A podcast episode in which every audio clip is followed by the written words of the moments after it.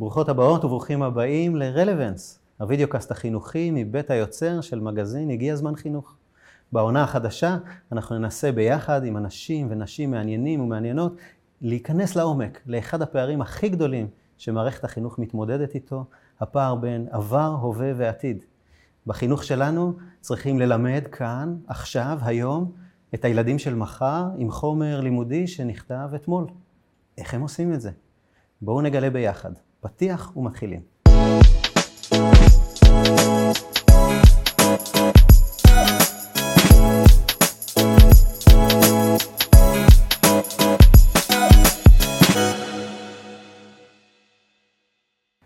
היא נקראה אל הדגל פעמיים, לנהל את מערכת החינוך של כולנו. פעם אחת אחרי המחאה החברתית, ובפעם השנייה אחרי משבר הקורונה. היא ניהלה את מערכת החינוך ביד רמה עד לא מזמן. נמצאת איתנו דלית שטאובר, לשעבר מנכ"לית משרד החינוך. שלום. האמת, רציתי להתחיל אה, בשאלה שאני לא יודע איך אה, תתייחסי אליה, אבל אני יודע שלא רק שבאת מבית שהיה חצי חרדי, אלא גם אבא שלך היה מציל בחוף הים בתל אביב. ואחת השאלות שהכי מעסיקות אותי, איך מציל יכול ללמד את הבת שלו לשחות? הרי הוא יודע כמה זה מפחיד. איך, איך הייתה החוויה? אני, אני מצטער שאנחנו מתחילים בזה, כן? זה, זה אה, יושב עליי כבר הרבה זמן. אתה מחזיר אותי לתקופות נהדרות, אני רק אתקן, המשפחה הרחבה שלי חצי חרדית, הבית שלי לא היה דתי, ואכן אבי היה ממייסדי ענף ההצלה ומציל מיתולוגי בתל אביב, קראו לו איצ'ו הגדול, והוא לימד אותי, ניסה ללמד אותי לשחות. אבל ניסה ללמד. בחוף הים של כן. תל אביב. הוא לימד אותי את התנועות, הייתי צריכה לעשות אותן באופן מושלם, זה היה כל כך מושלם שממש חפרתי כבר בור של חצי מטר בחול מרוב שעשיתי את התנועות. אה, ממש שחייה בהתכתבות, כמו ממש שאומרים. שחייה ע- בהתכתבות. על החוף. אבל ברגע שהייתי צריכה להיכנס למים וליישם את התנועות המושלמות, הוא אמר לי להיכנס, התחלתי לבכות, פחדתי. פחדתי, כי הייתי רגילה לעשות את הדברים יחד איתו. ולא היה לו את, הא- את, את העוז ואת האומץ לזרוק את הבת האהובה שלו. לתוך המים. ברור. אז הוא לקח- אז, אז הנה, כן. תראי, זה, זה, זה בדיוק אה, אה, מערכת החינוך שלנו. אני, אני מניח שהוא נעזר במישהו אחר כדי לעשות את זה, נכון? מה, מה הוא כן, עשה? והחוויה הזאת זכורה לי היטב עד היום, והיא מאוד, אה, באמת אפשר ללמוד ממנה רבות. הוא לקח חבר טוב שלו שהוא מאוד שמח עליו, ואמר לו, תשמע, אני לא מסוגל, תעשה, אתה. הוא שם אותי על החסקה, לקח אותי ללב ים, ואמר לי, תרדי למים. אני פחדתי, לא רציתי לרדת, ראיתי את העומק, המים היו אז נקיים, והשתקפה הקרקעית, ופחדתי. הוא אמר, תרדי למים או שאני זורק אותך. פעמיים הוא אמר, לא ירדתי, זרק אותי. חטפתי מכה די חזקה בבטן, אבל התחלתי מיד. לשחות כמו דג. בפעם, בפעם הבאה שהוא אמר לי, את יורדת או אני זורק אותך, אני ירדתי מיד, ומאז כמובן לא הפסקתי לשחות. אני זוכרת את אימא שלי ששחתה כל יום בים, פתאום רואה ראש קטן בעומק, ואומרת, מה זה? הראש הקטן של דלית. היא הופתעה גם לראות אותי שוחה בלב ים, כי חיים, המציל שעבד עם אבא שלי, זרק אותי למים באומץ רב, ידע שזהו, בלי להתנסות ובלי להיכנס למים העמוקים, לא יצא מזה שום דבר. אז זה איצ'ו הגדול, והבת של איצ'ו הגדול, כשהפכה להיות אה, אשת חינוך, אני בטוח שלקחת את, ה, את הסיפור הזה איתך לאורך שנים. עם ההתמודדות הזאת, עם הדילמה, איך נכון ללמד את הילדים? קודם שחייה בהתכתבות, קודם ללמד אותם בכיתות סגורות את התיאוריה ולתת להם לקפוץ אל המים בעצמם, או איכשהו לחבר אותם לעולם אמיתי שנמצא מסביבם. מה הייתה הגישה שלך כאשת חינוך? אני מאמינה שלכל חלק יש חשיבות, אבל בלי התנסות, בלי שחוויית הלמידה עוברת דרכך, היא לא נשארת שלך. אני מאוד מחשיבה מחקר, מאוד מחשיבה תיאוריות, אבל ילדים לא לומדים מתיאוריה, ילדים לומדים מהתנסות, ובעצם זה שהחוויה הופכת להיות רלוונטית עבורם, וככל שאנחנו יודעים לחבר את חוויית הלמידה לעולם שלהם, מראים את העולם של התנ"ך, כמה הדילמות שלו רלוונטיות היום, כמה המתמטיקה היא נוכחת בחיינו, כמה הפיזיקה והכימיה הם חלק מחיינו, וכמה הדילמות המוסריות שהתמודדו איתם מנהיגים לפני עשרות שנים, רלוונטיות מאוד גם היום הדילמות האלה. וכשילדים יודעים לחבר את הדברים לחיים שלהם, הם לא שוכחים את החומר הנלמד. אני מבין ומזדהה עם מה שאת אומרת. מצד שני, לכולנו יש ילדים, והחוויה שהם יוצאים איתה מתוך בית ספר, היא שמשעמם להם. שהם לא מצליחים להבין למה הם צריכים להסביר את ההחלטה של רבקה אימנו, אה, למה לגזור פונקציות ולחפוף משולשים, למה להסביר את אה, הבדלי הצריכה בין הצמר והכותנה באנגליה של המהפכה התעשייתית.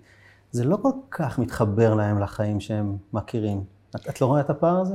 קודם כל אני רואה פער עצום ואני אה, רוצה לומר שאמרתי את זה מעל כל במה גם כשחזרתי למערכת וגם בשנים בין לבין שלצערי הרב מערכת החינוך הפכה בשנים האחרונות להיות פחות ופחות רלוונטית לחיים של הבוגר ואתה דיברת על פער בפתיח אה, של דבריך והפער הזה צריך מאוד להדאיג אותנו העולם מתקדם במהירות האור מערכות גדולות ורגולטוריות תמיד יתקדמו יותר לאט גם כשהן יהיו מצוינות.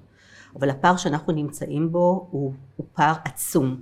הוא פער בתכנים הוא פער בתנאי העבודה של המורים שאינם מתאימים והוא פער בין מה שהילדים זקוקים לו בעולם האמיתי לבין איך שמתנהל השיעור. וגם כשאני עצמי ישבתי בשיעורים במש... וצפיתי בשיעורים אני רוצה להגיד לך שחלק מהילדים שלנו הם פשוט uh, מלאכים לשבת כל כך הרבה שעות ביום בצורה פסיבית ובוא נגיד את האמת רוב הלימודים עדיין מאוד פסיביים במקום להיות אקטיביים, במקום לעודד את האג'נסי ואת הפעלנות של הילדים, במקום לערב אותם הרבה יותר. יש מקום גם לשיעור הפרונטלי, אבל אם אנחנו לא נבין את איך נראה העולם האמיתי, איך נראה עולם העבודה, ועם מה אנשים מתמודדים, עם פתרון בעיות, אה, הילדים יצביעו ברגליים. ולכן הקפיצה שהיום מערכת ההוראה צריכה לעשות היא עצומה, והיא לא תצליח בלי שנספק את תנאי העבודה ההולמים למורים, ובכל נושא שאנחנו מדברים אסור לנו להתעלם מהסוגיה של ההון האנושי במערכת שזו סוגיה מאוד מאוד חשובה ומאוד מאתגרת ואנחנו נמצאים במשבר, במשבר אסטרטגי של מורים שכדי לפתור אותו אני חושבת שצריך להתמודד עם כמה בעיות מרכזיות שאולי אנחנו, אנחנו, נוכל לדבר אנחנו, עליהן. אנחנו נגיע לשם. אני רוצה עדיין להשאיר אותך בחוויה האישית שלך. פגשת אה, כמנכ"לית משרד החינוך את המערכת בשנת 2011, אה, ועשר שנים אחר כך, ב-2021. אלה עשר שנים שבהם העולם השתנה בקצב אה, משוגע.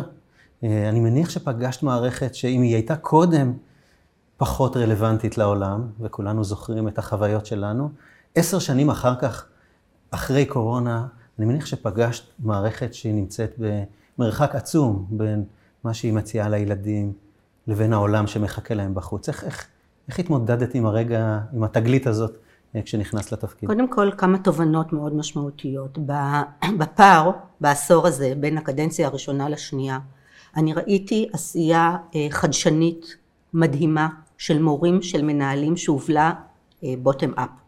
השטח תמיד מקדים, ויש לנו באמת הרבה מאוד איים של חדשנות ועשייה מאוד טובה של אנשי חינוך בשטח במקומות מסוימים. הקורונה לימדה אותנו הרבה מאוד דברים. היא לימדה אותנו שהשלטון המרכזי לא יכול לנהל את המערכת באופן בלעדי ושהוא מחזיק הרבה יותר מדי כוח, הרבה יותר מדי שליטה ושכבר מזמן one size doesn't fit all. ראינו את הרשויות המקומיות, את הגמישות שלהם, את הזריזות שלהם להיערך, את ההתאמה הרלוונטית לתרבות, לקהילה שלהם. ואני חושבת שאחד הדברים שניסינו לעשות זה באמת לתת הרבה יותר אוטונומיה לשטח וזה מהלך שהוא בהתחלתו ויש עוד לטייב אותו. אבל בהחלט דברים מאוד מאוד השתנו. יחד עם זה החריף מאוד משבר המורים. נתקלנו בפתיחת שנה במה שבמשך שנים לא טופל בצורה אסטרטגית והכשרה של מורים היא לא יכולה ואיכות הוראה ומעמד הוראה ומעמד ציבורי ופוליטי של מורים שהוא מוביל בכל הארצות שהחינוך מוביל בהם זה משהו שדורש אורך זמן וטיפול ארוך טווח והחילופים המהירים בישראל מאוד מאוד פוגעים בזה. אני רואה שהנושא של מורים והוראה בוער בך וכולנו יודעים שבאמת מורה טובה, מורה טוב עושים את כל ההבדל בשביל הילדים. אז אני אשאל שאלה קשה, מצד אחד יש לנו המון מורים, לישראל יש יותר מ-200 אלף מורים, אה, הרבה יותר באופן יחסי מאשר שיש למדינות אחרות, ובכל זאת התחושה היא שיש מחסור הולך וגובר, ודווקא אחרי אה, חתימה על הסכמי שכר, ולכאורה מקצוע ההוראה היה אמור להיות הרבה יותר אטרקטיבי, אבל פתאום הגיעה הקורונה וכל שוק העבודה השתנה, ואתם במצוקה אל מול איזושהי שוקת שבורה. איך את מסבירה בכלל את, ה, את התופעה הזאת, ומה אפשר לעשות? אני חושבת ששכר זו, זה קריטריון אחד מתוך מספר קריטריונים, הוא מאוד מאוד חשוב, הוא תנאי הכרחי אבל לא מספק, ולכן גם הקדשנו בקדנציה האחרונה הרבה מאוד מאמץ להגיע להסכם שכר שהשביח מאוד את השכר בעיקר של מורים מתחילים, שהוא היה ממש שכר מביש, אבל זה לא מספיק. אני חושבת שלא זכינו עדיין לטפל בתנאי העבודה של מורים, מורים מלמדים הרבה יותר מדי שעות פרונטליות בישראל, אין להם תנאי עבודה שמאפשרים להם פיתוח חומרים, שיחה אישית עם תלמידים, טיפול, אה, בוא נזכור שהכיתות שלנו הן כיתות שכמעט בכולם משולבים ילדים עם צרכים מיוחדים, זה דבר שדורש זמן ומומחיות, כך שהפיתוח המקצועי צריך להיראות אחרת. כל עניין ההשכלה וההכשרה צריך לעבור שינוי מאוד משמעותי, ובעיקר בעיניי מה שאנחנו לוקים בו בחברה, ואנחנו יכולים להסתכל על עצמנו, זה היחס והמעמד הציבורי והפוליטי שאנחנו נותנים למורים. בכל מדינה שהחינוך מוביל, המעמד של הוראה והביקוש להוראה כתוצאה מזה הוא לא רק בגלל שכר, הוא בגלל המעמד שהציבור נותן והכבוד שהציבור נותן למורים. אנחנו רואים את זה בפינלנד, אנחנו רואים את זה בסינגפור, אנחנו רואים את זה במדינות שבמשך שנים מטפחות את ההון האנושי של המורה, השכלה מאוד גדולה, מעמד ציבורי מאוד גדול, ולכן אה, רק שכר לא יעלה את הביקוש. בכל פעם כששואלים הורים, שואלים את הציבור, אה, מה דעתך על מערכת החינוך? אז באמת, מה שאת אומרת חוזר על עצמו, אנשים מביעים איזושהי אכזבה, יש להם ציפיות, אולי נוסטלגיות, למשהו שאולי לא היה אף פעם, אבל ככה נוסטלגיה עובדת, אבל הם מצפים ליותר. אה, ולפעמים משתמשים במילים אה, אה, חריפות, אבל מצד שני, כששואלים אותם, ואיך המורה של הילד שלך, אז פתאום החיוך עולה על השפתיים, ואומרים מילים מאוד טובות, המורה טובה, איך את מסבירה את הפער הזה בין התחושה אה, שלנו כציבור, אה, שאנחנו אוהבים את המורים שלנו, אה, לבין איזה מין תחושה שהמערכת אה, לא עובדת בשבילנו? אה, את, את גם מרגישה את זה או ש... לגמרי. כן. א', אני מודעת לנתונים שבאמת אנשים יש להם שביעות רצון הרבה פעמים מהמורה של הילד שלהם, אבל כמערכת לא, ויש לזה כמה סיבות שהן מוצדקות. האמון במערכות הציבוריות הוא מאוד פחת בשנים האחרונות, אנחנו רואים את זה בכל המערכות הציבוריות, אבל בעיקר אה, בחינוך. ואני חושבת שזו תוצאה של משבר שלטוני, משבר מנהיגותי, שגורם לחילופים תכופים מדי במערכת שזקוקה לשקט ולתהליכים ארוכים. הדבר הזה מוריד משאבים רבים מאוד לטמיון, משאבים רבים מאוד לטמיון, שובר מאוד את האמון גם של אנשי ההוראה. היום אומרים להם זה הדבר הכי חשוב ובעוד שנה אומרים להם משהו אחר מאוד חשוב וגם אומרים 180 מעלות הפוך ממה שאמרו קודם. הדבר הזה מתיש. הדבר הזה לא מעודד אמון ובוודאי לא מחזק את המעמד של המקצוע. כי אם כל כך בקלות אפשר לשנות כל רגע אתה לא מעמיק בשום דבר. יחד עם זה המקום של המורה והתפקיד שלו היום הוא כל כך קריטי בוא תסתכל על ה... אתה אומר נוסטלגיה, אבל יש גם עובדות. זה שהיו לי מורים מופלאים משכמם ומעלה, אני מוכנה לחתום על זה שזה לא נוסטלגיה אלא עובדה, אבל בוודאי היו גם אחרים.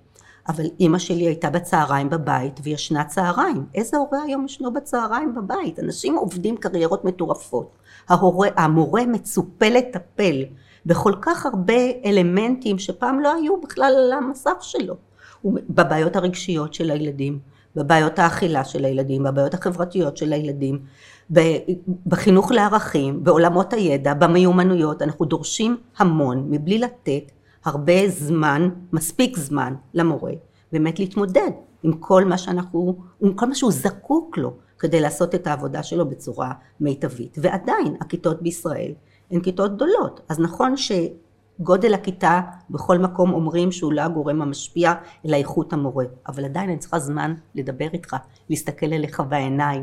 וזה דורש זמן ודורש מקום. ומורים העבודה שלהם אף פעם לא מסתיימת. אמ, מאוד מאוד מעניין מה שאת אומרת. אני חושב שהקורונה שינתה כל כך הרבה. אנחנו לא מרגישים את זה.